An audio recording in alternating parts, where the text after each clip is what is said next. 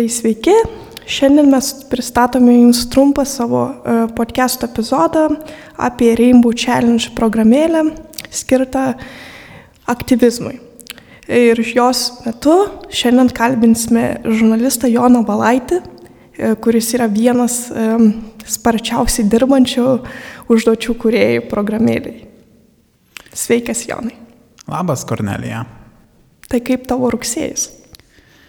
Greitai prabėgo, nespėjau net e, visų darbų nudirbti ir jau žiūriu, spalis greitai. Malonu girdėti, kad ne man vienai. tai gal ir galim pradėti tuomet. Žinoma.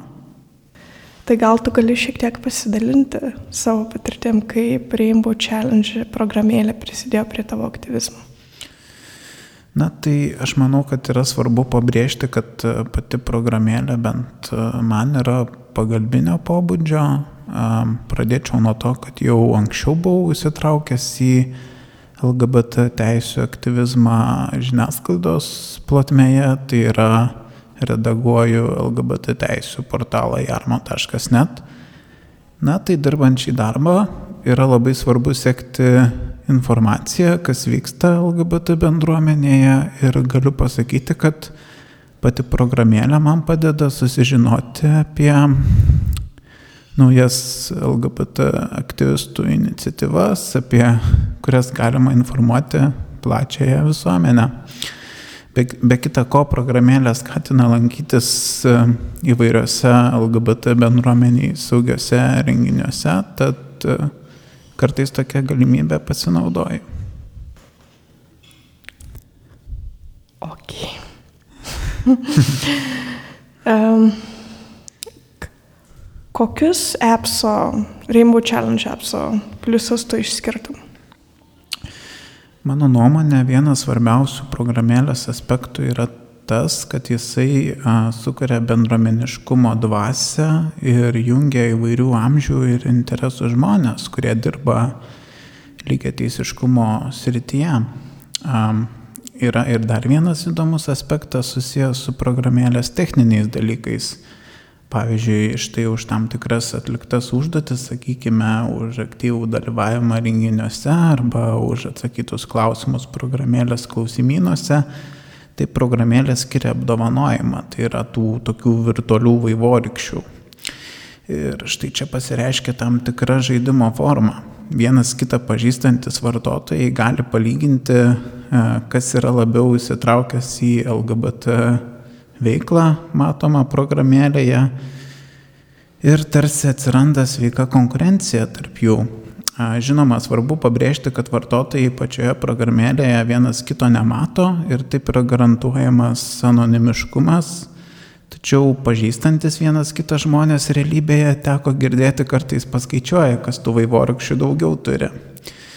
Na, o tiems, kam tos vaivorykštės nėra itin svarbios, tokia programėlė vis tiek suteikia galimybę išreikšti savo kūrybiškumą, prisidėti prie pokyčių visuomenėje, edukuoti, įgyti žinių reikalingų šiai veiklai. Nes, kaip ir minėjau, programėlėje sudaryti klausimai apie LGBT aspektus yra puikia mokymosi priemonė. Kadangi jau paminėjai mokymosi kaip vieną iš e, programėlės pliusų, kaip pats vertini EPSO kaip edukacijos priemonės galimybės? E, vienas iš programėlės aspektų yra toks, kad joje yra galimybė atsakinėti į įvairius klausimus ir už tai gauti apdovanojimų. Tai, kaip minėjau, tas vaivorykštės. Tai žmonės gali išmėginti savas žinias, bet e, net jeigu į klausimą atsakyti nepavyksta, nusiminti irgi yra neverta, nes programėlė pati parodo, kurioje vietoje, pavyzdžiui, padarai klaidą Na, o iš klaidų irgi galime šito išmokti. Tai vieną kartą suklydai, kitą kartą žinosi tikrai atsakymą. Tai toks mokymasis žaidimo forma, manau, labai primtinas jauno amžiaus žmonėms ir gali puikiai edukuoti apie įvairius LGBT aspektus. Norėjau tavęs paklausti, nes man pačiai įdomu, kadangi tu esi iš regiono, ne Vilnius, Tai tiesiog galbūt turi savo kažkokią irgi susidaręs nuomonę, kodėl kai kurie regionai Lietuvoje tiesiog aktyvesni, kalbant apie apso naudojimą.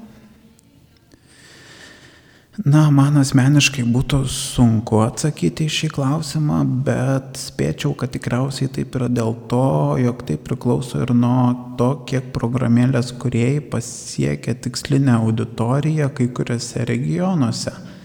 Tačiau taip pat, manau, tai priklauso ir e, nuo galimybių atlikti užduotis. Na, tarkime, Vilniuje daugiau vyksta renginių, o, o kaip, na, tos vaivorkštės yra skiriamos ir už dalyvavimą renginiuose tai kas Vilniuje gyvena, tai turi daugiau šansų išsiveršti į priekį. E, visgi matosi, kad kai kurie mažesni regionai irgi yra labiau išsiveržę į priekį, bet tai tikriausiai rodo, kad jų e, susidomėjimas yra kur kas e, didesnis. Žodžiu, daug čia veiksnių galima išvelgti, bet galbūt smagiausia yra tai, kad na, tai yra toks malonus pasivaržymas tarp regionų ir priminimas tiems, kas dar nieko nepadarė, kad galbūt jau laikas padaryti. Kaip ir pats minėjai, kad iš tikrųjų vienas didžiausių iššūkių yra iš tikrųjų pasiekti tikslinę auditoriją programėlės. Man būtų įdomu išgirsti tavo nuomonę, kodėl jaunam žmogui būtų verta įsijungti Rainbow Challenge ir prisidėti prie veiklų. Nežinau, galbūt turi kažkokių idėjų, kaip būtų galima pareklamuoti programėlę. Mhm. Na, dalyvavimas programėlės siūlomoje veikloje gali leisti jauniems žmonėms pasijusti kaip visaverčiais piliečiais, prisidedančiais prie reikšmingų visai visuomeniai pokyčių per programėlėje rekomenduojamus projektus. E, jaunam žmogui, manau, labai svarbu jausti, kad jis turi galimybę keisti pasaulį gerą ir, na, prasmingai praleisti laiką. O kaip pasiekti tą jauną žmogų, kaip pareklamuoti pačią programėlę, tai, na, bent mano patirtis žiniasklaidos srityje rodo, kad socialiniai tinklai yra ta platforma, kurioje labiausiai galima pasiekti jaunus žmonės. Grįžtant prie regionų klausimų, kas tavo nuomonė galėtų paskatinti jaunus žmonės regionus įsitraukti, aktyviai veikti um, Rainbow Challenge uh, programėlėje? Regionuose, na pradėčiau nuo to, kad regionuose su LGBT teisų padėtimi tenka pripažinti situacija yra kiek kitokia nei Vilniuje, kuriame galbūt LGBT žmonės jaučiasi laisviau ir galintis išreikšti save.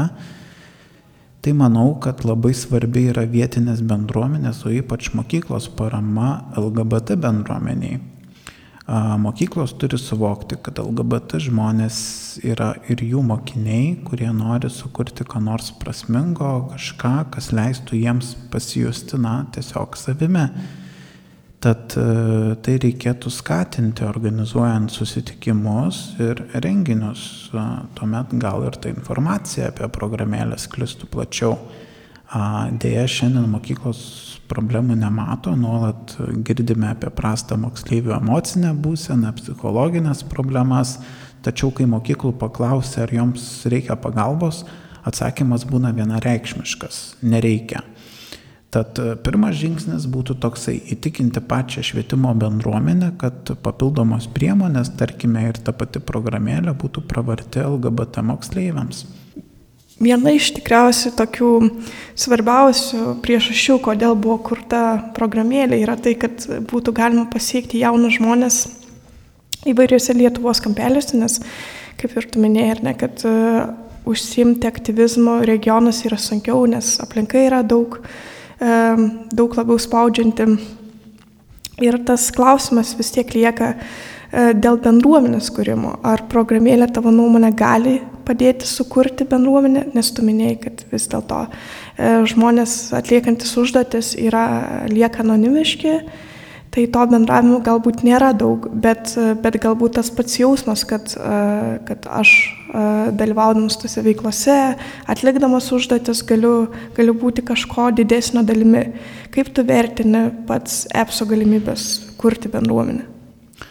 Aš manau, kad ta galimybė jau egzistuoja ir su programėlės plėtra, tikiuosi, galbūt bus sugalvota daugiau iniciatyvų ir tai sudarys daugiau galimybių bendradarbiauti.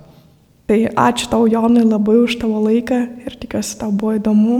Tikiuosi, daugiau prisidėsi ir toliau prie programėlės veiklų, nes tu esi vienas aktyviausių dalyvių. O, staigmena. Džiugu, ačiū Jums. Ačiū.